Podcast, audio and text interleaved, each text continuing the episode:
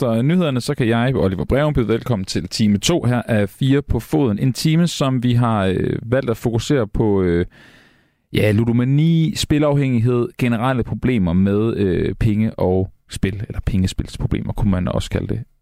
Det er sat sammen med, at der så er en masse spil, reklamer og spil, sponsorater, når vi ser fodbold her i øh, Danmark. Vi gør det, fordi at øh, der øh, var en lytter, der skrev til mig og sagde, jeg synes, der er noget helt galt her, øhm, og det vil jeg rigtig gerne tale med jer om, hvis I har lyst. Og det har vi. Det var faktisk noget, vi havde tænkt over øh, før, at, øh, at lytteren skrev. Og det var øh, dig, Christian, de hører. Velkommen til. Tak skal du have. Christian, øh, kan du lige prøve at sætte nogle ord på, øh, hvorfor du sendte mig den mail? Den var jo afledt af den her nye undersøgelse, der er kommet fra Spilmyndigheden, hvor at, øh, det fastslår, at næsten 500.000 danskere har spilproblemer i øh, større eller mindre grad. Og det er jo en øh, vanvittig forøgelse i forhold til den samme rapport fra 2016, hvilket er fordoblet.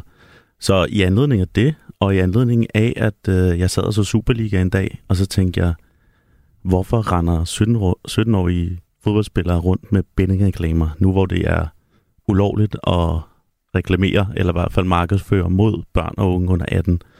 Så en masse, masse frustrationer, en masse masse tanker omkring det her, også fordi jeg, jeg selv har været igennem ludomanien og bagefter uddannet mig til misbrugsbehandler, så jeg har et kæmpe hjerte for det her, og jeg ved, at problemet er stort, og jeg ser det hver dag. Og mest af alt, fordi jeg også synes, at problemet er blevet forkleinet i rigtig mange år. Der er hele tiden blevet henvist til den her rapport til, at fra 2016 siger, at det er ikke særlig stort problem, og der kan vi nok se. Og så lige pludselig, så kommer der en rapport, og lige pludselig, så er skatteministeren alle interessenter er inde og sige, at vi skal gøre noget ved det her. Ja, selvfølgelig skal vi gøre noget ved det. Hvorfor skal der komme en rapport? Vi kunne have lavet præventivt arbejde de sidste øh, seks år. En, øh, jeg så tog fat i, fordi jeg tænkte, at jeg gerne ville have vedkommende med, fordi han øh, om nogen ved, hvordan det er at, at lide af ludomani, og også øh, hvilken kamp det er, efter man, man måske er, er på den anden side af det. Det er dig, Mads øh, Ventelin. Velkommen til. Tak. Mads, øh, vil du ikke lægge ud med at prøve at fortælle os, øh, og vi har masser af tid, så du, du bruger bare den, du har lyst til, øh, hvordan du har kæmpet med ludomani i, i dit liv? Oh, jo, den er svær, hvor man nærmest skal starte og slutte den. Øh, men øh, jeg har kæmpet med, med ludomani hele mit voksne liv. Øh, kæmper øh, stadigvæk med det den dag i dag. Jeg synes, hver dag er, er en kamp som ludoman, selvom øh, selvom jeg har fået styr på store dele af spillet, så, så tror jeg, at det kommer til at være en kamp resten af mit liv. Og jeg kalder stadigvæk øh, mig en ludoman den dag i dag, for ligesom også at understrege, at det ikke er noget, man bliver, bliver rask fra øhm, på et tidspunkt. Jeg øh, bettede første gang, da jeg var 13-14 år gammel i en kiosk, øh, sådan, sammen med et par fodboldkammerater, sådan, øh, sådan stille og roligt. Og øh, de første mange år gik det fint med at spille, men da jeg kom i gymnasiet, og i særlig grad, da jeg blev 18 og lavede en konto på Bet365, der gik det stærkt øh, på mit spil, og var et problem allerede i min gymnasieår.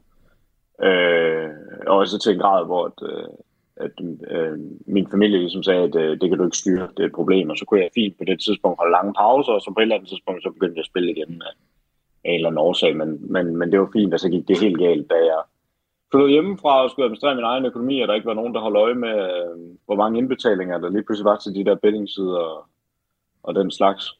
Så det har jeg kæmpet med hele mit voksne liv. Øh, og også før jeg, før jeg blev rigtig voksen. Og, og hvor står du henne nu?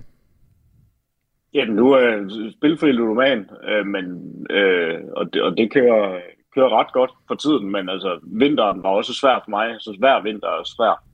Øh, der er mørkt udenfor, øh, der er ikke så mange sociale aktiviteter osv., så, videre, så der, der er vinteren altid svær for mig. Så kommer for sommer, der er nemt.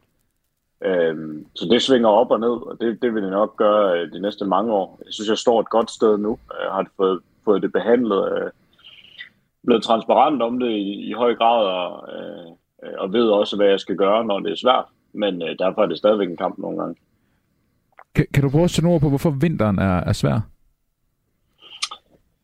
Jamen for mig, at når jeg begynder at spille, så, det, så, så isolerer jeg mig, og det bliver tit, når jeg bare sidder derhjemme for mig selv. Øh, øh, i min lejlighed, og, og ligesom øh, ikke rigtig kan, kan lave andet, eller keder mig, eller mangler at blive stimuleret, eller hvad man nu skal kalde det. Og, øh, og, og vinteren er svært, fordi der er ikke alle de sociale aktiviteter udenfor osv. Der, det, det er mere sådan noget efterårshygge og sidde udenfor med sterillys og sådan nogle ting. end øh, det er øh, at mødes i en park og drikke på øl med nogle kammerater eller sådan nogle ting. Så derfor bliver det, det er mørkt udenfor, det regner. Øh, mange af de ting, øh, som giver mig energi, kan jeg ikke lave om vinteren i samme grad. Så det er bare, vinteren er altid svært for mig i hvert fald. Christian, Ja, du, og det ved jeg, det er Ja, for siger mange du, ludomaner. Det kan være, at Christian kan bekræfte Jamen, du sad og nikkede lidt, Christian. I hvert fald mange af dem, jeg har mødt. Ja, ja, ja, ja, både og. Jeg tror ikke, øh, jeg tror ikke min ludomani tog hensyn til, om det regnede eller sned. Eller, men, men jeg kan godt Nick genkendte til det der med isolering, og det er jo også en af de typiske ting ved ludomani, det er jo isolation og afhængighed generelt. Fordi det er pissegrimt. Det er pissegrimt, når, når man er i sit misbrug. Jeg var i hvert fald ikke en særlig rar person at være omkring, så isolation, og det er bare nemmere, når det er mørkt udenfor, fordi der er ikke, øh, der er ikke så mange, der stiller spørgsmål, fordi alle andre sidder indenfor, så, så jeg kan sagtens se, øh, se problematikken. Hvordan var dit forløb med, med ludomanien? Og det, det ligner faktisk uh, Mads rigtig meget. Jeg, uh, jeg var også uh, den generation, hvor at der ikke var nogen uh, aldersbegrænsninger i kiosken. Uh, der var ikke noget, der hed, uh, man skulle være over 18 år, så jeg startede i 6. og 7. klasse uh, med det her sportsbetting, og så gennem min teenageår, så blev det mere og mere, så fik jeg fritidsjob, så kunne jeg spille for mere. Da jeg blev 18 år, fik jeg min uh, børneopsparing på 70.000 ind på kontoen, og for en spirende ludoman, der sagde det bare smadret. Og så de sidste, de næste 8-9 år, der kørte jeg bare derud af. Og vi havde sådan en, øh, en sådan øvelse i behandlingen, der sagde, nu skal du prøve at sætte dig ned og regne ud, hvor meget du har spillet for. Og der kom jeg også op på, at jeg har omsat for omkring 8-10 millioner på, på de her 10 år. Det er jo fuldstændig vanvittigt tal, Ja, det men, men det er også en del af den her behandling, men man ligesom skal være... Man skal have en forståelse for, hvad fanden det er, også økonomisk. Øh, økonomisk er ingenting i forhold til de menneskelige konsekvenser. Jeg har også været igennem al behandling, øh, indtil jeg kom i døgnbehandling for snart tre år siden, hvor jeg på en eller anden måde var klar til det og, og lærte, hvordan jeg skulle håndtere min øh, ludomani. Er du øh, ude af det nu? Altså Mads siger jo, han, øh, men Mads, nu må du rette mig, hvis det er forkert, det jeg siger ikke, men, men at han ligesom er, er godt og vel på den anden side, men, men bruger stadig begrebet ludoman om sig selv, fordi at, jeg gætter på, Mads, du stadig kan mærke noget, der, der trækker i dig, som, som minder om dengang. Ja, øh, Ja, øh, Ja, hvad siger du, Mads?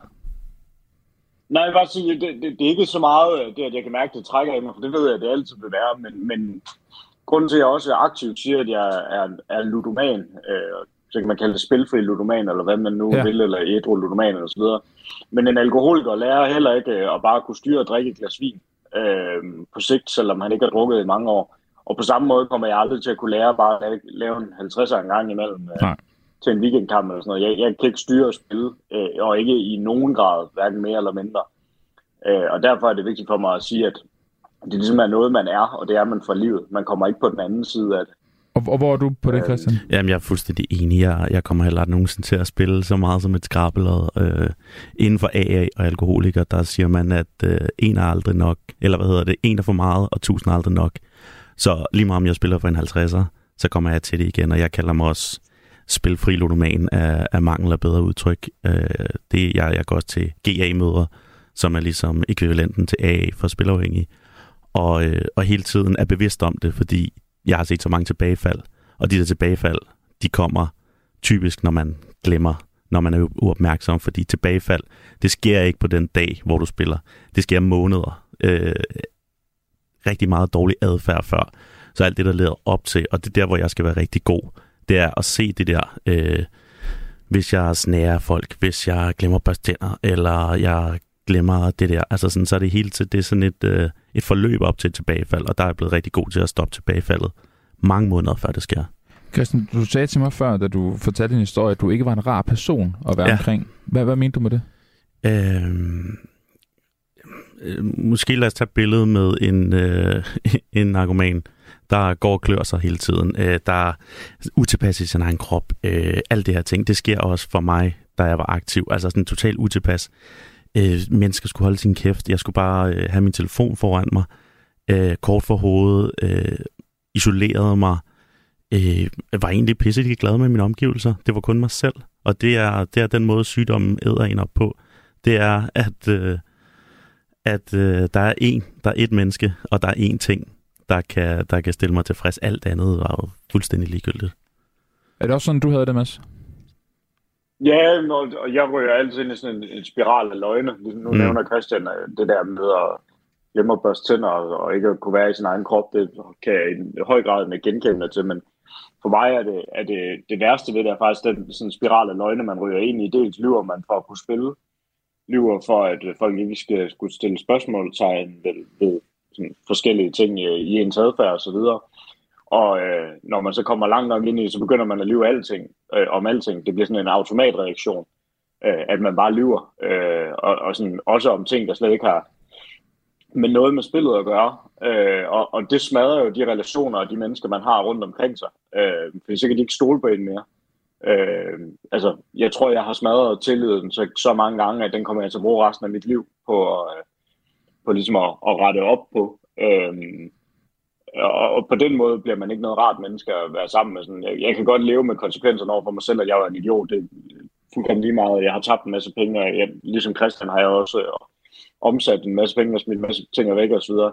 Det er de der relationer, de mennesker, man har stået tæt med, der er nært. Det er sådan set dem, det har været værst for at gå ud over, fordi de, de, de, de, de, de kan ikke stoppe det der spil for en, øh, og stoppe øh, det, er man nødt til selv at tage en aktiv beslutning om på et tidspunkt. Øhm, og indtil man gør det, så er man godt nok ikke noget særligt behageligt menneske at elske. Det er nogle, øh, det er nogle voldsomme fortællinger, I har, og jeg er meget, meget øh, glad for, at I, at I gider dele ud af dem begge to. Det, det tror jeg er vigtigt. Jeg vil også gerne lige øh, understrege, hvis man, hvis man sidder derude og, øh, og kan genkende til noget af det, som, som Christian og Mads fortæller her, så er der, er der jo hjælp at hente. Spilmyndighederne har en øh, hjælpelinje på øh, stofspillet.dk. Man kan også ringe til dem på 70 22 28 25, hvis man, øh, man gerne vil have hjælp. Øh, jeg kan personligt sige... At, og ellers så kan man ringe til mig. Ja, okay. og ellers så kan man ringe til mig, eller skrive til mig, hvis det er nemmere. Fordi jeg tror ikke, der er ret mange ludomaner, der får ringet til hjælpelinjen, før det er, de er rigtig langt ude, øh, og så videre. Øh, siden jeg for et øh, år siden øh, sådan offentligt i et interview med politikken, jeg kaldte mig ludoman første gang, jeg tror, jeg har fået en 10-15 henvendelser, og jeg kan forestille mig, Christian, noget af det samme, fordi du også har været offentlig med det. Helt sikkert. Det er måske bare nogle gange lidt nemmere at skrive til nogen, man kan spejle sig. Jeg er 26 år gammel, og øh, øh, så stadigvæk det er svært og så videre. Så hvis det er nemmere at skrive eller ringe til mig eller Christian, end at, end at tage fat i en hjælpelinje eller så videre, eller ikke ved, hvor man skal starte hen, eller om man skal ringe til det Center for Ludomani, eller hvad fanden der skal ske, så skriv eller ring til mig øh, på Facebook, Twitter, øh, telefon, øh, hvad end der er nemmest. Så vil jeg hjertens gerne hjælpe, øh, hvis det er nemmere. Det er, er så godt at få det, få det sagt her også. Nu, øhm, ja, jamen det, det jeg vil sige før, det var, jeg, jeg, har, jeg har været så heldig at, at undgå det. Mm. Øh, jeg har også selv spillet rigtig meget. Jeg havde en... Øhm, Øh, Spanien spillede mod Chile, tror jeg, i VM i Sydafrika for nogle år siden, hvor jeg, jeg tabte simpelthen så mange tusind kroner på den kamp, fordi Spanien ikke kunne få noget at banke dem ordentligt. Øh, og det var et wake-up call for mig, fordi at jeg havde ikke nogen penge, i år på SU. Øhm, og, og, og siden den dag har jeg ligesom nærmest ikke gjort det overhovedet, men jeg har venner, der har siddet i lignende situationer som, som I to. Så øhm, det er bare for at sige, jeg tror ikke, man skal spørge ret mange mennesker på gaden, før man kender en, der kender en, eller et eller andet, øh, i forhold der har haft de her problemer. Øhm, grunden til, at vi så sætter fokus på det i dag, det var, Christian, du nævnte det før, der er kommet den her nye undersøgelse med, med knap 500.000 øh, danskere, der på en eller anden måde har det, de kalder pengespils problemer. Om det er øh, ludomani i, øh, i den grad, som I har oplevet det, eller det er lidt mindre, det, det er lidt svært at faktisk at gennemskue i undersøgelsen, men i hvert fald det, der hedder pengespilsproblemer. Ja. Øhm, det er jo ret interessant. Der er kommet det er en fordobling siden 2016. Det er jo, det er jo helt vildt. Samtidig med det, så sidder vi og kigger på fodbold. Du nævnte også før, Christian. Du kan ikke se en fodboldkamp, hvor der er, hvis der bare er den mindste pause, så kommer der en betting-reklame. Jeg tør slet ikke tænke på, hvis det bliver NFL-vilkår, hvor mange reklamer de kan få proppet ind, øh, når det kommer til betting. De kører ned i bunden af skærmen også, så man lige hurtigt kan spille, hvis man har lyst til det. Øhm, fodboldklubberne, vi fokuserer på i dag, de har det jo stående på trøjerne. Mm. Det står på stadion. Det står alle mulige steder. Og jeg vil sige, de få gange, jeg har heddet mine ikke fodboldinteresserede venner, øh, enten med hjem i stuen for at se en fodboldkamp, eller med ind på stadion, de er simpelthen i chok over, mm. hvor meget betting der er. Christian, vil du ikke prøve at sætte nogle flere ord på, du sagde, det var ambivalent, du blev også en lille smule provokeret. Altså, mm. hvad, hvad er det, du føler, når du ser den kobling? Altså mellem bettingreklamer og klubberne. Og, og, og klubberne, jamen, øh, man kan sige, hvis klubberne ikke synes, de har det ansvar, så er det rigtig svært at gøre noget. Men forhåbentlig kan en snak med dem, og hvis de åbner op til at høre, hvad os, der har været igennem det, os, der sidder med mennesker, som også er midt i det, os der ser tendenserne, os der har styr på tallene osv., prøver at tage et samfundsansvar.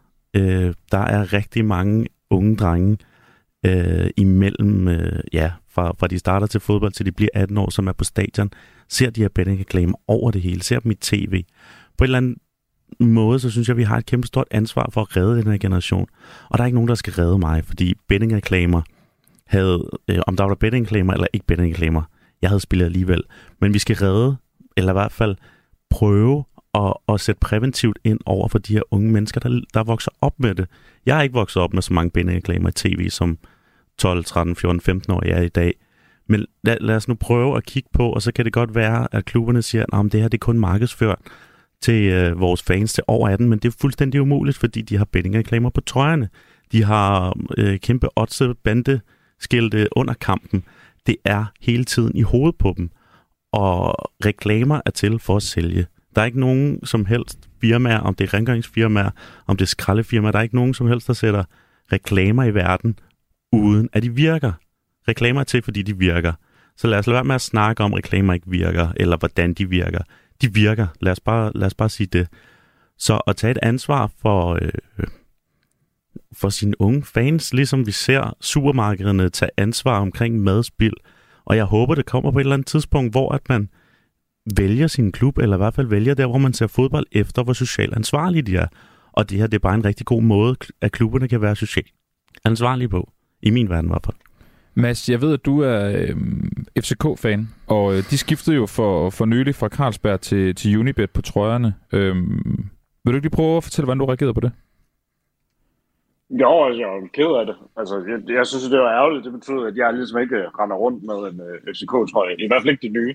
Der står stadigvæk Carlsberg på maven af min gamle Niklas Bender, tror jeg. Uh, og uh, på den måde, uh, på den måde var, jeg, da, var jeg ærgerlig over det. Jeg, jeg vil sige, jeg har ikke... Uh, jeg har ikke en stor anke imod fodboldklubberne og øh, har en betting øh, gigant som sponsor, fordi det er en del af et meget større problem. Det er en meget lille del af et, af et kæmpe problem, der hedder reklame inden for, for sportsverdenen.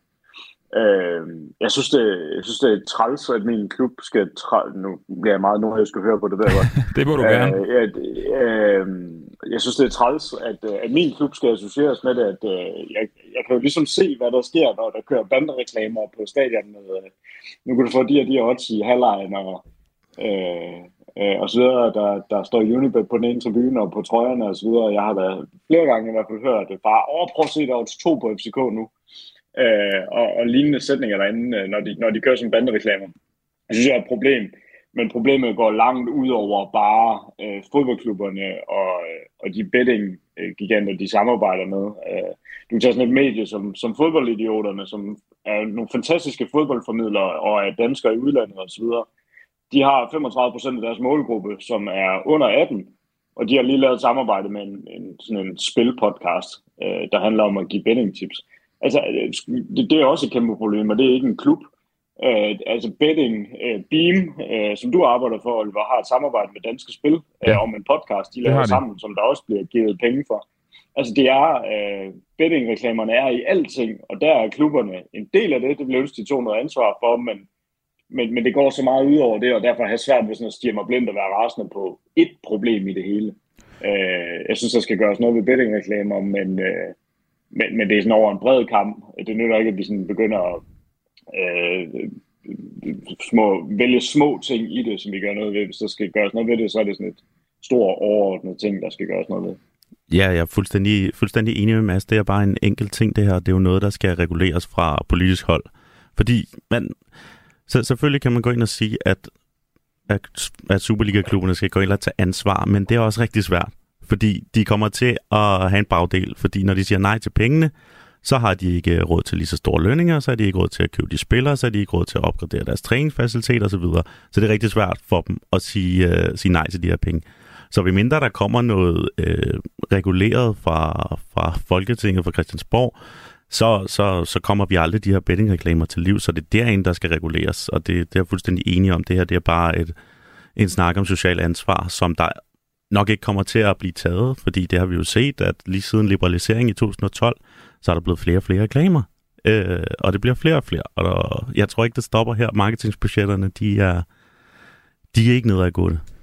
Men Mads, vil det ikke også klæde fodboldklubberne, hvis de netop i tale satte det? Øh, noget mere måske, eller gjorde mere for det, samtidig med, at de måske også altså, erkendte, at som du siger, Christian, at det, der er også bare en virkelighed, der hedder, at, at det er svært uden? Jo, altså øh, selvfølgelig synes jeg det. Jeg vil ønske, at øh, man tog ansvar fra, fra fodboldklubberne og så på det som et, altså så på det kæmpe problem, det er, men, men jeg, jeg har, altså, så længe de spiller inden for lovens regler og rammer, så har jeg svært ved at klandre dem. Øhm, øh, på den måde. Jeg vil ønske, de tog ansvar og blev forgangsmænd, ligesom man har gjort, forsøgt at gøre, øh, når man har spillet i regnbuetrøjer øh, mod nogle af de problemer, der har været i det, når man har taget øh, skridt mod racisme og alle sådan nogle ting, hvor man, man tager masser af øh, ansvar. Det vil jeg ønske, man gjorde på samme måde i det her. Øh, men øh, så længe det er inden for øh, lovens øh, regler og rammer, så, så har jeg svært ved at klandre dem. Nu kan man se, jeg tror det var Belgien, Christian, du kan korrigere mig, hvis det er forkert, der for nylig har lavet forbud mod øh, øh, spilreklamer og nogle forskellige ting. De, og det er nogle af de fodbold, det er nogle af de fodboldligaer, vi sådan historisk sammenligner os med. Øh, og jeg tror, at frygten for at gøre noget har måske handlet om, at så går man glip af en masse penge, og så, bliver man, så svækker man dansk fodbolds konkurrencevilkår på et klubniveau. Og nu er der ligesom nogle af de ligaer, som vi konkurrerer med øh, i udlandet, der begynder at gøre noget af det samme, og det tror jeg kan være med til at skubbe en tendens. Så at der ikke er fodboldklubber, ikke nødvendigvis skal være de første, der går ud og gør noget, eller tager afstand fra det. Men, men er øh, penge et argument? Er, er penge et argument, når man taler om, om en så øh, alvorlig sygdom som ludomani? Ja, altså, det, altså selvfølgelig er det det. Ligesom alt muligt andet. Du, du, når du skal ud og sælge sponsorater og sponsorater, så handler det om at få flest mulige penge for, for det produkt og så videre. Jeg synes, øh, synes at øh, de skulle gøre, sådan, skulle gøre mere at tage ansvar for det, men, men jeg ved også godt, at virksomhederne er sat i verden for at tjene penge til deres aktionærer øh, i sidste ende. Ja. Jeg, altså, jeg, kan, jeg kan mere forundre over, at staten har valgt at drive casino, helt end at en fodboldklub har bettingreklamer. Og jeg, det undrer mig i langt højere grad. Jeg tror, du sagde det meget godt, Mads, før i forhold til, at øh, fodboldklubben tager social ansvar i forhold til LGBT+, øh, og racisme osv. Og, og det støtter jeg 100% op om, men det er gratis. Hvis de skal droppe bettingreklamer, det er ikke gratis. Det er der, den ligger, fordi jeg tror, hvis de ikke tjener penge på betting, eller ikke tjener penge på folks billede, så tror jeg også, de har gjort det. Selvfølgelig har de gjort det. Det, jeg ikke kan være med at tænke i, i den her snak, det er, jeg, jeg tror jo også, at, at, at pengene er det afgørende argument øhm, for, for klubberne og så videre. Men om klubberne selv vælger at sige, vi vil ikke have bettingpenge overhovedet, og dermed miste den indtægt, det er, eller om der kommer en lovgivning, der gør det. Det er de samme penge, de mister, og jeg gætter ikke på, at der kommer kompensation fra en øh, dansk regerings side af til, lad os sige, FCK, Brøndby, OB osv., fordi nu har de besluttet, at der ikke må være bettingreklamer. Altså, mister de i sidste ende ikke bare nemmere, penge? Det er nemmere at forsvare over for dine aktionærer ja. og dine ejere. Det er selvfølgelig en pointe. Øh, hvis, øh, hvis, hvis beslutningen bliver taget af nogle andre, så er det ikke dig, der går ind og siger, nu får vi færre penge, og øh, overskud bliver mindre øh, til lønmodtagere, øh, hvad hedder den, LD, dem der ejer parken, ja. en stor del af parken osv., som skal have sine penge hjem. Det er nemmere at forsvare over for dem, hvorfor der kommer færre penge, hvis der er nogen, der har besluttet, at der ikke må være de bettingreklamer, end hvis du laver øh, 40 millioner mindre øh, øh, i omsætning og øh, sponsoratindtægter osv., øh, og så kan du forklare det med, at der ligesom er kommet et forbud, og derfor er det nogle andre, der er kommet på maven. Og vigtigst ja, det, det er sgu nemmere at forklare. Og... Øh, der, der er nødt til at være sådan, at det skal hænge sammen det hele. Helt sikkert, og vigtigst af alt, så er det jo heller ikke konkurrenceforvridende på samme måde. At, at der er en klub, der siger nej til det, det, øh, det kan potentielt koste rigtig mange hundrede millioner. Nu, øh, nu har vi ligesom hørt jeres historie, tak for den igen, og så har vi ligesom også fået, fået jeres holdninger på banen, hvad kommer til, øh, til bettingreklamer og øh, bettingsponsorater og, og fodboldklubberne. Det vi skal nu, det er, at vi skal have fat i Center for Ludomani og prøve at blive lidt klogere på, hvordan det påvirker det her, når der er, er reklamer og sponsorater. Og det skal vi sammen med dig, Henrik Trane Brandt. Velkommen til.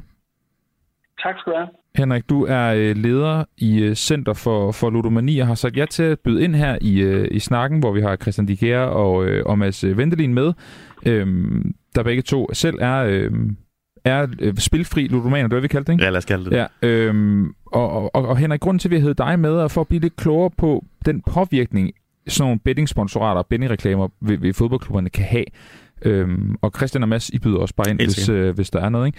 Øhm, Henrik, kan du ikke prøve at sætte nogle ord på det først? Hvad, hvad er det for en påvirkning, de her sponsorater, lad os bare tage dem på trøjen for eksempel, som FC København har.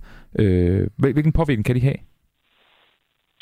Ja, altså først så vil jeg sige tak, fordi du er med, og jeg har lyttet med her, inden øh, jeg kom på, og, og tak til, til Mads og Christian for at fortælle den her historie, for det er enormt vigtigt at få ud og få en forståelse af, at det her spil det har en bagside, for det er der stadigvæk alt for mange, der ikke uh, rigtig har forstået endnu.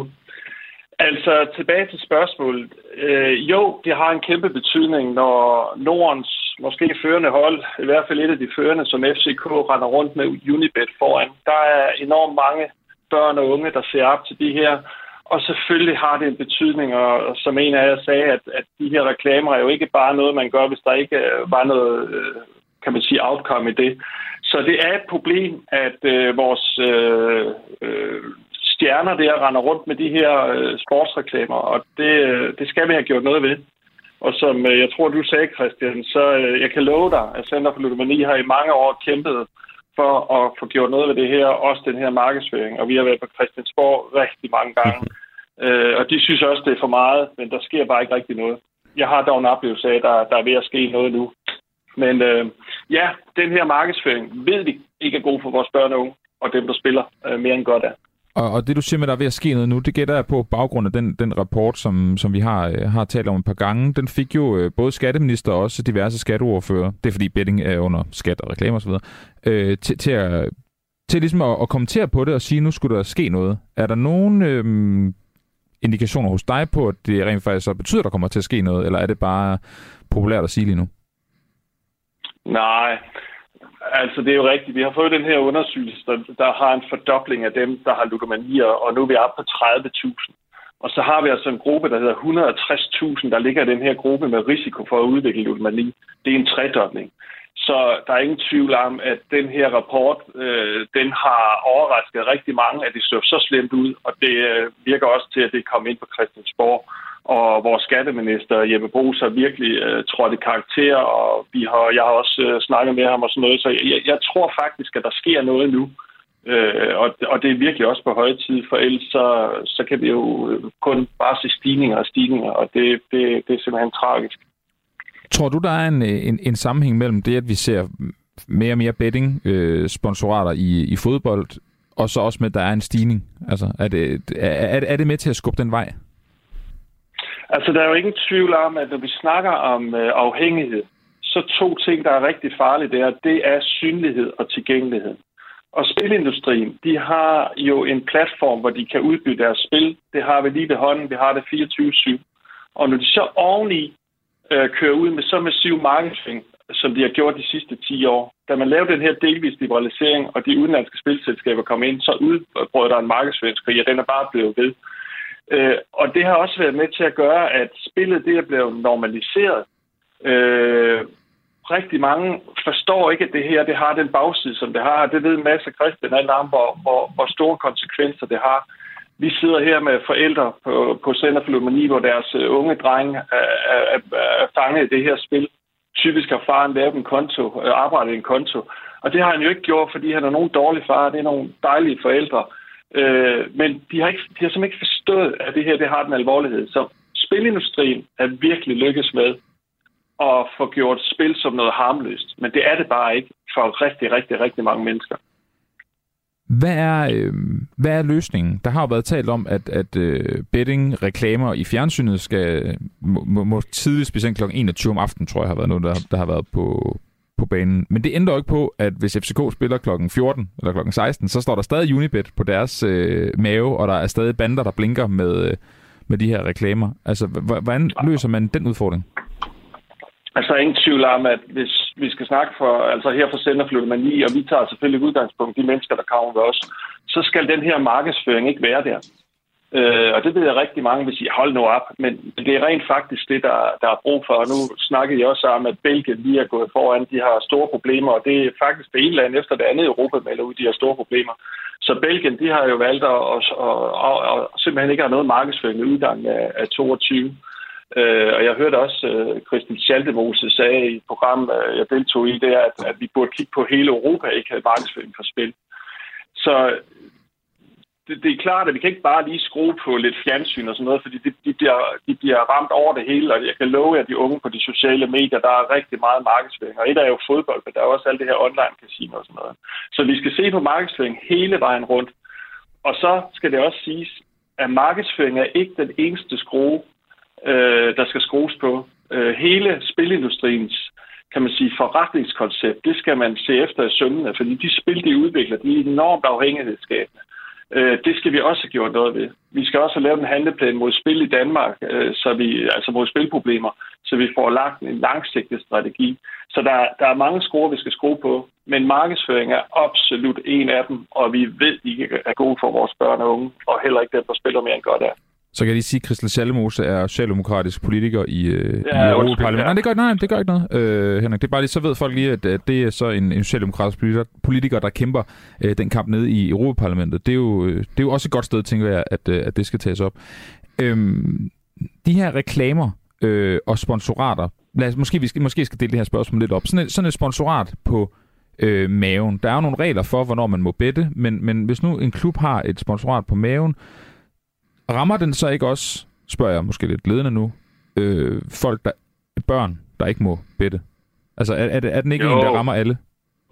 Jo, og det, det tror jeg også, Christian sagde ikke også, at, at det der med, at men der står jo, at markedsføring, at, at det må ikke rettes mod vores børn og unge under 18 år. Og så er det klart, at når man er ude på stadion, og der, der er reklame over det hele, så bliver vores børn og unge jo ramt. Og, og det er jo det samme, når vi sidder og ser landskamper, vores landstræner har jo også sagt, at de her øh, bettingreklamer, det er i hvert fald ikke noget, han øh, vil gå med. Øh, jeg ved ikke lige, hvordan det er gået med det, men, men, men det er klart, at det rammer jo ind i vores børn, og, og derfor så, så når der står i lovgivningen, at, at vi ikke må kommunikere det ud til vores børn og unge, så holder det jo ikke. Øh, selvfølgelig ser de det. Ja, og så selvfølgelig gør det det, men der er også lige kommet nogle nye tal fra, fra hvad hedder det, Spilmyndigheden i dag, som øh, har kigget på det her stopspillet, som du henviste til før, Oliver, øhm, hvor at de bliver adspurgt, og der er 52 procent af dem, der henvender sig til stopspillet, de har haft deres pengespilsdebut, før de blev 18 år. Så lad os bare sige, at, at uh, aldersgrænsen for spil i Danmark er 18 år, men det er bare ikke virkeligheden. De spiller lang tid før. Ja, ja. Ved du hvad, i den rapport, som, uh, som blev offentliggjort i sidste uge, øh, der, der havde størstedelen af de 9-14 år, det var der, de debuterede. Præcis. Og rigtig mange af dem, de, de debuterer faktisk med de her online vedmål, og de sidder og spiller ind på nettet, også fordi forældrene lukker dem ind, eller de kan låne storebrors konto og sådan noget. Så det er et kæmpe problem, og igen, så er det også det der med, at, at spil er blevet så harmløst noget, og, og, og forældrene, jeg tror rigtig mange forældre, de, jeg tror ikke, de har haft en snak med deres barn om, at prøv at her, det der med spil, det skal du også være opmærksom på, ligesom nogle af de andre ting, vi snakker med vores børn om. Fordi igen, at spilindustrien er lykkes med at gøre det her harmløst. Det er så gar, at i det udspil, som regeringen har kommet med i sundhedsreform, altså en sundhedsreformsudspil, der har man ikke nævnt ludomani med et ord. Der er mange gode ting i den rapport, men ludomani, det har man ikke nævnt. Det synes jeg er tankevækkende. Når vi, øh, når, når vi taler om reklamer, jeg sad bare lige øh, og om til at tænke på, om, om vi kan nævne nogle eksempler på bettingreklamer, som rent faktisk har været målrettet voksne, altså som, som har gjort det, de skulle. Fordi jeg kan huske, altså Samuel Jackson har været med i nogle af dem, og jeg synes, mm. de var fede. Mm. Øh, Pilo Asbæk mm. har været med i nogle af dem, jeg synes også, han var god. Øh, så er det ja, der kommer spyd, og altså der er alle de der, ja det er vist OK faktisk, men, ja. øh, men øh, det er ikke betting. Mm-hmm. Men, øh, men, men, men Laudrup har stået for Unibet i mange præcis, år. Ja. Præcis, Niklas Bentner. Kan, kan vi nævne en, øh, altså nogle bettingreklamer, der, øh, som vi i hvert fald vurderer ikke har ramt bredt, eller for bredt?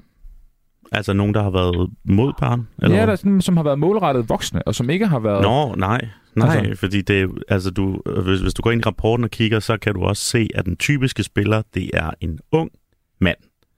Det er især 15-25-årige. Det er især unge sportsinteresserede mænd. De prøver at ramme. Så nej, det er ikke, de her, de her reklamer, de, ikke, de prøver ikke at ramme nogen på 50 eller 60. De ved godt, hvor deres målgruppe er. De ved godt, hvem der sætter flest penge, og de ved godt, hvem der holder deres jul i gang. Det er unge mænd. For det meste, ikke for at, ikke for at skære alle mulige andre fra, men det er dem, de er øh, henvendt mod. Det er der ingen tvivl om. Henrik, nu, øh, nu, nu har vi jo et, et, et fokus på, på, på klubberne og, og de sponsorater, de har stående og, øh, og reklamer, de har, de har kørende. Er der nogen klubber, der har heddet fat i dig? Øh, lige inden, ja, jeg skal nok svare på det, men, ja. men det der også er vigtigt i forhold til de her kendiser, der har Center for Ludomani godt nok været ude mange gange og sagt, prøv at her, vi skal ikke kende os øh, af markedsføring, for vi ved, at det ikke er godt. Øh, igen for vores børn og unge. Jeg har godt nok snakket med mange, det der med at se op til Brian Laudrup, og han kan noget, hvis han kan ud, regne det ud og sådan noget, så, så kan vi også, og han er, altså, så kendiserne, de, de skal væk, og det er de sådan set også kommet, og det skete lige før, at øh, covid-19 kom til landet, fordi der var et politisk pres, der sagde til spilindustrien, vi vil simpelthen se nogle ændringer, og så tog de kendiserne væk. Og jeg tror også, at mange af de her kendte også nok har fundet ud af nu, det er ikke smart at reklamere for spil. Danskerne er trætte af det. Og det samme vil jeg også mene, der sker for Superliga-klubberne. De klubber, der begynder at blive ansvarlige og passe på deres faner, så altså børn og unge, øh, jeg håber, at de får nogle andre sponsorer, som vil give dem lige så meget eller mere til, fordi de, de viser den der ansvarlighed. I forhold til de der klubber, øh, Center for Ludomani har jo lavet en forbindelseskampagne, der hedder Spil til Dreng. Og den lavede vi, fordi at der er, altså sports, elite sportsmiljøet er et højrisikoområde. Det er sportsmiljøet generelt, men vi ved, der er rigtig mange i elite elitesporten, som har problemer med pengespil. Og derfor lavede vi den her øh, kampagne, hvor, hvor blandt andet øh, Brøndby faktisk, OB har været rigtig meget inde som, som ambassadør på den der kampagne. Så ja, øh, jeg synes, klubberne jo på den måde har, har vist, at, at de også rigtig gerne vil noget, og man har lavet en spilpolitik, og man skal undervise trænerne, og man skal også øh, en gang om året omkring de her elitehold for at snakke om det her med spil. Så det er rigtig, rigtig fint, og det er et skridt i den rigtige retning. Øh, det er bare ikke nok. Og igen, så vil jeg også sige, som Christian og Mads siger, vi, vi, skal, have, vi skal have det her op på, på national plan, og vi skal have det ind på Folketinget, fordi der, der er en del, vi skal skrue på for at, at reducere antallet af mennesker, der, der får det her problem. Men ja, vi, øh, vi har hørt fra klubber, og vi har jo desværre også øh, selvfølgelig også øh, hørt fra klubber, fordi der er nogle problemer. Men, øh, men det, det er så selvfølgelig også, også internt, øh, altså i klubberne, at der er spillere, der, mm. der ikke kan styre det, gætter på, ikke? Det var det, du lige sagde.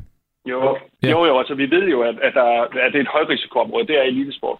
Men, men det, det, jeg også tænkte på, det var, når der så er øh, en klub, der eventuelt får et nyt sponsorat, eller forlænger et sponsorat, har du så oplevet, at de har fat i dig i forhold til, om de kan bruge nogle af de her penge til at modarbejde det, som et sådan sponsorat vil kunne, øh, kunne sætte i gang af ludomani og, og lignende? Nej, nej, det har jeg ikke. Nej. Okay. Mm. Så du, der er ikke nogen... Der er ikke nogen Superliga-klubber, der har, der har brugt Center for Ludomani til at, øh, hvad skal man sige, modarbejde det sådan ud i offentligheden og til fansene? Nej. Okay. Det er der ikke. Nej. Det er der nogle seriefodboldklubber, der har. Ikke ja. de store professionelle. Men øh, jeg kender da i hvert fald til et par øh, sådan seriefodboldklubber, der har, øh, der har bedt om at få nogen ud og fortælle om ludomani, fordi det, det fylder så meget i omklædningsrummet. Så der er faktisk nogle små klubber, der, der er begyndt at kigge på, på det ansvarsområde, men der er ikke, jeg har heller ikke hørt om nogen af de store endnu. Nej. Men, men altså, det, det, det, nu Christian, du har, Christian har sikkert spillet fodbold ligesom mig og så videre. Mm. Altså, der går bare mange historier i sådan nogle omklædningsrum om, at åh, jeg vandt lige 500 kroner i går på det der. Der er ikke nogen, der sidder og siger, om ja, så 8.000 kroner på en filippinsk basketballkamp i nat. øhm, der er vi altså med. Hele natten. altså, så, øh, ja, ja, altså jeg, jeg kan holde i den filippinske basketballrække og har spillet på fægtning og cricket ja. og hvad der ellers øh, findes af åndssvage ting derude der er sådan en omklædningsrumkultur, det tror jeg, der er nogle af seriefodboldklubberne, der har indset, at, at det er man i hvert fald nødt til at gøre, nødt til at gøre noget ved. Men, men det kan være, at jeg misforstår noget af. Undskyld, jeg, jeg bryder ind, fordi Øh, der er jo ingen tvivl om, at, øh, at der er jo kommet et fokus på det her i eliteklubberne, og det er ikke bare Dansk øh, Boldspillion, det er også Dansk Håndboldforbund og badminton og så, så, så man rent faktisk har taget det med ind i, i, i træneruddannelserne, at, at de virkelig skal have en opmærksomhed på det her ludomani, og ungdomstrænerne skal ikke spille sammen med de unge og alle de her ting, så, så klubberne har på den måde øh, taget fat i det, og når klubberne gør det, så er det også godt, fordi de ved, at for hver gang, der løber en spiller ind på banen, der har problemer med, med, med spil, så er det et hold, der ikke præsterer på samme måde. Så det er enormt vigtigt, at klubberne jo har øh, ansvar for de der spillere, fordi de, de, de simpelthen ikke øh, de, de underpræsterer, når de, når de er inde i ludomani. Så, så der er jo et kæmpe ansvarsområde. Men, Men så er der selvfølgelig også på fansene, øh, og, og det er også derfor, jeg synes jo også, at klubberne har et ansvar øh, og sagtens skal gå foran og kigge på andre sponsorer end lige spilindustri. Det er nok nogle af dem, der er let at komme til. Men Henrik, lige, lige, lige her til sidst, det, jeg synes er interessant, det er, det, er, det er jo godt at høre, at klubberne tager ansvar for deres egne, men hvis den, hvad kan man sige, den indstilling, øh, synes jeg bare ikke er særlig tydelig, når de så spiller i parken eller på Brøndby Stadion. Altså, så kan jeg ikke se, at de har det der arbejde. Det er jo ikke noget, de flager med, altså, eller, eller siger, vi gør også det her. Men det er måske også, fordi det ser dumt ud, samtidig med, at man har Unibet på maven. Ja, det kan godt være. Altså, øh, jeg er helt enig med dig i, eller det ved jeg ikke, om det var det, du mente, men, men jeg synes i hvert fald fra, fra Centerflugmani, så, øh, øh, så så vi gerne, at øh, Superliga-klubberne de kigger sammen efter nogle andre sponsorer. Og jeg tror også, at når vi i fremtiden kigger, kommer til at kigge tilbage på, på 2022, så, øh, så vil der være mange, der kigger holdt op, øh, hvor, hvor spilindustrien fyldte meget det. Det var da helt vildt, de fik lov til det. Jeg, jeg tror simpelthen, at, at, at vi lige så stille og roligt vil se, at de glider ud, fordi der er så meget, mange mennesker, der, der lider under det her, og, og det er den, stærk, den, den afhængighed, der stiger stærkt, stærkest i Europa, øh, og det kan klubberne ikke blive med at holde til. Altså, det tror jeg ikke. Vil du og Center for Ludomani stå klar, hvis der nu er en Superliga-klub, der ringer og siger, vi vil gerne være bedre til at udbrede kendskab til, at hvordan man undgår at blive, øh, blive ludoman? Absolut. Center Ludomani er altid øh, klar til den del, fordi øh, vi, vi, vi står også for for langt den største del af forebyggelsen i Danmark. Der er desværre ikke sat så mange penge af, men, men vi gør alt det, vi kan inden for, for de rammer, altså, som jeg også har sagt sidste uge, at spilindustrien bruger måske op på mod en halv milliard på at markedsføre de her spillere, der er afsat 4 millioner til forebyggelse. Det er også helt galt. Altså, så, så derfor, øh, som Mads og Christian sagde, vi skal have det her ind på Christiansborg, og vi skal have skabt, øh, lavet nogle planer, øh, nogle handleplaner, så vi på den måde øh, øh, får gjort noget med det her problem, fordi øh, det bliver bare større og større, øh, så længe vi ikke gør noget. Henrik Trane Brandt, tak fordi du var med her. Ja, det, Mads, det må du gerne. Det må du gerne. Det var bare lige, øh, jeg synes, det er sympatisk, at Christian Schelde, øh, Scheldemose, Mose, ja. Scheldemose øh, siger, at, øh, at det er også noget, man skal kigge på i EU. Men hvis vi skal vente på EU, så går der godt nok mange år, før der bliver, der bliver lavet noget ved det her. Så går der byråkrati i den, og spillelobbyisme, og det ene og det andet og det tredje. Øh, det er simpelthen en, en, en dårlig undskyldning for ikke at gøre noget og tage ansvar allerede her i Danmark og være et forgangsland på det område.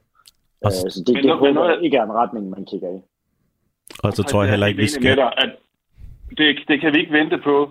Kan jeg også sige en ting til, inden jeg smutter? Ja, det kan du. Det, kan du ja, det vi faktisk ser, det er, at den ene kommune efter den anden nu forbyder øh, markedsføring for spil i offentlige transportmidler. Det er de gjort, fordi byrådspolitikere har tabt tålmodighed. Og jeg kan tro, at det, det er på vej ind på Christiansborg. Så jeg er sikker på, at der vil ske noget herhjemme i, i Danmark i den kommende tid, og så har vi et problem med, at vi skal, skal ikke have danskerne til at spille på nogle af de der sider, der ikke har licens og sådan noget, fordi det er helt ureguleret. Så vi skal også kigge på EU-niveau, men jeg er godt klar over, at det, det, er, det tager mange år, men, øh, men vi skal også i gang der. Henrik Tranebrandt, tak fordi du var med her, leder for Center for Ludomani. Jeg, jeg tror desværre ikke, det er sidste gang, vi taler om det, men uh, tak fordi du var med den her omgang. Ja, velbekomme. Og Christian, så havde du lige en kommentar, du også gerne lige vil, vil af med. Han ja, det var, det var det, Henrik sagde med, at øh, det er mange milliarder, øh, de har i marketingsbudgetterne, øh, og der er ikke særlig meget øh, til, for, eller til øh, hvad, forebygning. Der skal man heller ikke underkende, hvor mange lobbyister, der visker politikerne i ørerne på det her. Det bruger de også rigtig, rigtig mange penge på. Hvorimod det er Center for Ludomani, så nogen som mig Mads, der prøver at viske politikerne med ikke så stor kraft i forhold til, hvor, øh, hvordan betting selskaberne kan gøre det det vi skal øh, bruge den sidste øh, 10-12 minutter på her nu, Mads og, og Christian, det er at kigge lidt på, på klubberne. Fordi det er dem, vi har mm. talt rigtig meget om, og vi har selvfølgelig her på Fire på Foden givet samtlige 12 Superliga-klubber muligheden for at være med. Øhm, fordi det er dem, vi har talt rigtig meget om, og, og vi nævner også deres navne osv. osv. Der er desværre ikke nogen af dem, der har haft mulighed for at øh, stille op og medvirke. Flere af dem skrev deres svar, nu kan jeg prøve at finde dem her. Ja, præcis, det, det skal vi også snakke om bagefter, tænker jeg. Øhm, skrev, at øh, tage det med divisionsforeningen. Og så tænkte jeg først, hvorfor skulle de blande sig i et sponsorat på en trøje? Men, men det var det, de sagde. Og Divisionsforeningen havde så heller ikke lyst til at medvirke. De mente heller ikke, det var dem. Øh, Silkeborg er faktisk den eneste klub i Superligaen, der ikke har en øh, bettingsponsor. Mm. Øh, de vil rigtig gerne være med. men der var noget ferie med dem, der stod for det, så det kunne desværre ikke lade sig gøre. Så der er ingen klubber med. Men øh, nu tænker jeg bare lige, at vi tage nogle af de svar, vi så har fået på mail. Og nogle af dem kan vi tage ret hurtigt. Viborg, Midtjylland og Randers, de svarede alle. Mm. Brøndby, de sagde nej, henviste til Divisionsforeningen. AGF sagde tak for tilbuddet, vi takker nej. OB sagde tak for tilbuddet, det kan ikke lade sig gøre, vi kan ikke stille op. Øhm, FC Nordsjælland, de var også noget ferie, der gik ind der, så de kunne heller ikke være med. Hvad tænker I lige i første omgang om det? Jeg tænker, at det er fuldstændig det samme, som når man prøver at få spilselskaberne i tale, og prøver at komme ind og snakke med dem og sige, mig, jeg tænker heller ikke, Mads er, øh, kommer ind med, med en fakkel. Vi vil faktisk gerne have noget dialog omkring det her. Og ligesom øh, Henrik sagde, lad os nu snakke sammen. Lad os nu øh, prøve at hjælpe hinanden med det her problem. Men det der lugter jo langt væk af dårlig samvittighed, og der er der ikke nogen, der gider at tage, stille op til et interview, hvor de ved, de har tabt på forhånd. Hvad tænker du, Mads? Jamen, øh, jeg kan sige det på den måde, altså jeg kan godt forstå, at de der øh, bettingselskaber og så videre, de, de kan se sig sure på sådan noget som mig og Christian. Jeg har faktisk ikke noget ønske om at forbyde betting eller sådan noget på den måde. Jeg vil gerne prøve at hjælpe, at der er nogle problemer, der, nogle folk, der ikke kommer i de problemer. Og jeg vil ønske, at klubberne så det på samme måde. Det skal ikke være sådan en dem eller os, og nu kommer vi ind og dikterer, hvad I skal gøre. Jeg vil elske, hvis øh, der var en eller anden i FCK's direktion, der bare ville give en kop kaffe. Mm. Jeg skal nok tage, tage kage med. Øh, og så kan vi øh, tage en snak om, øh, hvad man kunne gøre, og hvad man i hvert fald kunne kigge ind i.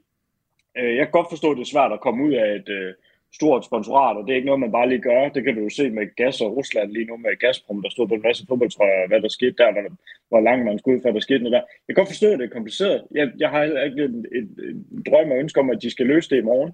Men når de skal vælge sponsorer næste gang, eller så videre, så kunne det godt være, at det var en god idé lige at snakke med nogen, der vidste noget om det inden man, inden man bare valgte dem, der gav flest penge øh, til det. Og det vil jeg hjertens gerne komme og fortælle om. Jeg er sikker på, at jeg kan tage Christian med under armen og Helt gøre noget lignende. Øh, og det er ikke fordi, at vi kommer øh, og har... Jeg har ikke nøglerne til at lave den perfekte plan for, hvordan vi får bugt med det her ludomani-problem i, i Danmark. Men vi fandme gerne gøre noget. Fordi hvis vi kan hjælpe bare en eller to ludomaner med at øh, ikke falde i den der gryde lidt tidligere, så har vi hjulpet rigtig meget der det har klubberne altså også en enestående mulighed for at være nogle forgangsklubber og øh, få en pissegod CSR-sag. Øh, så kan de lave øh, alle de YouTube-videoer, som de, de vil, og prale med, hvad, hvad de gør for det. Øh, det, det kan godt være, at det koster lidt på den økonomiske linje øh, sponsoratvejs, men du har til muligheden for at være et forgangsklub på alle mulige andre punkter. Er der noget det her, det kan de også bruge kommercielt. Jo, måske. Ja, de bruger, og det kan de også bruge kommercielt. Præcis. Den anden vej rundt.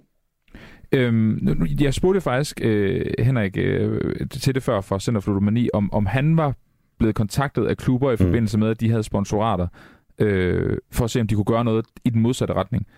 Altså, øh, Mads, jeg godt starte med dig. Kom det bag på dig, at det var der ikke nogen klubber, der havde valgt at gøre? Nej.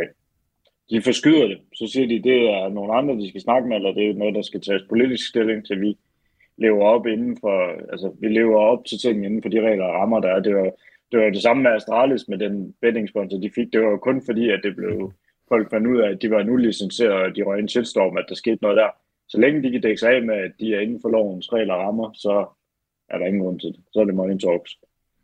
Ja, altså, jeg er 0% overrasket over det der. Nej, altså. Pr- præcis. Det, det, det er overhovedet ikke overraskende, fordi hvem fanden gider øh, vise deres beskidte undertøj? Øhm, de ved, klubberne ved jo godt det her problem. De læser også rapporterne. De har også CSR. Og jeg vil lige sige, danske spil, jeg har faktisk snakket med danske mm. spil i forhold til CSR. De er, de er faktisk lidt mere åbne end de andre udlandske. Det, det skal de have. CSR kan ikke lige uddybe det hurtigt? Jo, det er jo, øh, det er jo de her, der står for... Ja, hvad, hvad er det egentlig for kortelse for? Det ved du, Mads. Corporate, corporate Social Responsibility. Det er præcis. Det, det er dem her, der gør, at uh, se, vi tager ansvar mm. for uh, sociale problemer, uh, som for eksempel ludomani, og det giver jo rigtig god mening, når man er bettingselskab. Jeg øh, vil gerne lige læse op, hvad Vejle Boldklub har, har skrevet til os, da vi spurgte dem. Øh, Vejle Boldklub tror på, at øh, enhver regulering af bettingområdet hører under de folkevalgte politikere, og ændringen på området skal således også komme herfra. Vejle Boldklub tilgår et hvert samarbejde med en bettingpartner med respekt for både lovgivning og det store ansvar, vi har som fodboldklub. Ja, det, det, er jo en pæn, det er jo en pæn måde at sige på, at øh, vi kommer ikke til at stoppe, ved mindre der kommer lovgivning på området. Og det tror jeg, at alle, eller alle Superliga-klubberne mener som udgangspunkt. De kommer ikke til at stoppe, fordi Vejle ved udmærket godt, hvis de siger nej til millioner, så skal de ud et andet sted. Og det er sådan lidt øh, at have et holistisk syn på, spot, på, øh, på hvad det, sponsorater. Det er, lidt, øh, det er lidt risky, men jeg tror faktisk godt, det kunne øh, give sig en den anden. Men Mads, kan man godt have en bettingpartner, og så samtidig stå ved det store ansvar, det er at være en fodboldklub? Mm, åh, det, jeg, jeg ved det ikke. Altså, jeg, jeg, jeg, det, jeg, jeg tror ikke, det er så sort-hvidt sort noget, noget af alt det her, at man bare kan sige det ene eller det andet. Og at, jeg er ikke sikker på, at løsningen bare er at forbyde bettingreklamer fuldkommen øh, og, og gå i sådan en cigaretretning. Men man kunne godt gå over og kigge på at lave det lidt mere ligesom øh, de alkoholreklamer, der er, hvor at der er ligesom grænser for, hvor mange de er, hvad de, hvem de må henvende sig imod, og hvad der må stå i den, og, og hvilken vej de går. Øh, det er nok mere i den retning, man skulle kunne se det. Og, og jeg er jo ikke ude i noget, hvor man siger, at der må heller ikke stå Albania eller Carlsberg eller sådan nogle ting på brystet. Øh, men der bliver bare nødt til at blive gjort et eller andet, og det synes jeg også, klubberne har et ansvar for at være med til at lave den løsning. Øh, man, man kan ikke bare sidde og skyde ansvar over for nogle andre. Det er fuldstændig det, det er sådan en olie-grøn øh, klimakamp øh, om igen, hvor de siger, at det må der være nogle politikere, der gør noget ved, øh, ved virksomhederne stå og sige. Øh, og pensionsgiganterne, det tog fandme lang tid for dem, før de begyndte at sige, at nu skal vi lave grønne investeringer og sådan noget. Det var først, da der var nogle politikere, der begyndte at kigge ind i det. Øh, jeg synes, at alle har et eller andet ansvar for at gøre noget i det her, og jeg synes at klubberne bare kan stå og pege over på nogle andre. Nej, det er i virkeligheden en ret god sammenligning, det der, synes jeg. Fuldstændig. Og... Men de, de, kan, de, de, kan, de kan starte med at ringe. Jeg skal nok ja. komme. Så skal jeg nok fortælle dem, øh, hvor de kan starte hen. Altså, det, det gælder dem alle sammen. Jeg er fuldkommen ligeglad, om jeg skal til øh, Horsens, eller Vejle, eller Aalborg, eller Viborg, eller Odense, eller hvad det er. Hvis de, giver, hvis de giver kaffen, så skal jeg nok komme og så hjælpe dem med, hvor de kunne starte med at kigge på det i hvert fald. Jeg håber, de lytter med. Der er, der er mange gode invitationer i dag, synes jeg. øh, lige til sidst, så skal vi lige høre fra FCK. De har skrevet, øh, vi har naturligvis et ansvar som øh, fodboldklub, og det er vi meget bevidste om. For os skal betting være underholdning, som man som alt andet skal dyrke med omtanke og ansvarlighed det vi, øh, det vi er, det, det ved, øh, vi er en holdning, vores øh, partner, altså bettingpartnere på området deler. Øh, de er blandt andet de absolut førende i forhold til at bekæmpe negativt spil via samarbejde med spilmyndigheder og politikere. Det er selvfølgelig vigtigt for os. Vi har en øh, løbende dialog omkring, hvordan vi øh, sammen udbreder budskabet omkring ansvarligt spil, da vi ingen interesse har i, at folk kommer galt af sted. Konkret følger vi blandt andet med i det arbejde Kindred Group Unibet øhm, går, øh, gør i øh, andre klubber i Europa, hvor de især i Rangers FC og Derby øhm, har brugt mange ressourcer på tiltag, der sætter fokus på mental helbred og ansvarligt spil. Det mener vi underbygger pointen om, at de er blandt deres øh, førende operatører i Europa, når det handler om en ansvarlig tilgang til sponsorater. Og øh, Christian, du skal nok også lige få lov, men, men, men Mads, nu, øh, nu sagde du der med, at du stadig havde en, en Carlsberg-trøje derhjemme. Har, har du kunne mærke at FCK har gjort noget af det, som de skriver her til mig? Øh, nej, og det er jo ligesom, der står nede i bunden af de her reklamer, spiller ansvarligt. Og det gør der ved dem alle sammen, fordi det skal der stå og sådan nogle ting. Det, det er det samme om igen. Men øh, jeg tror altså heller ikke, at da vi alle sammen var ved at indse, at vi har et problem med cigaretter i Danmark osv., så, så er det nok ikke tobaksgiganterne, der fik lov at diktere, hvordan vi fikset de problemer.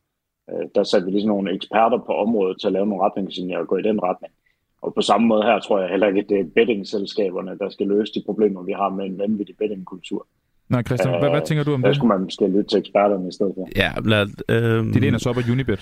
Ja, bettingselskabernes øh, hvad hedder det, Morten Ronde, han samlede ligesom alle øh, bettingselskaberne og kaldte det spillebranchen. De har oprettet et reklamenævn, de har gjort rigtig mange ting, men det er bare ikke uh, ulven, der skal vokse for. Det er ikke Kindred Group, der skal gå foran. Det er prisværdigt, hvis de har gjort noget med min bullshit-alarm, uh, står og bimler og bamler, når jeg hører det der. Det er ikke dem, der skal, uh, hvad hedder det, uh, klare ludomani-problemet.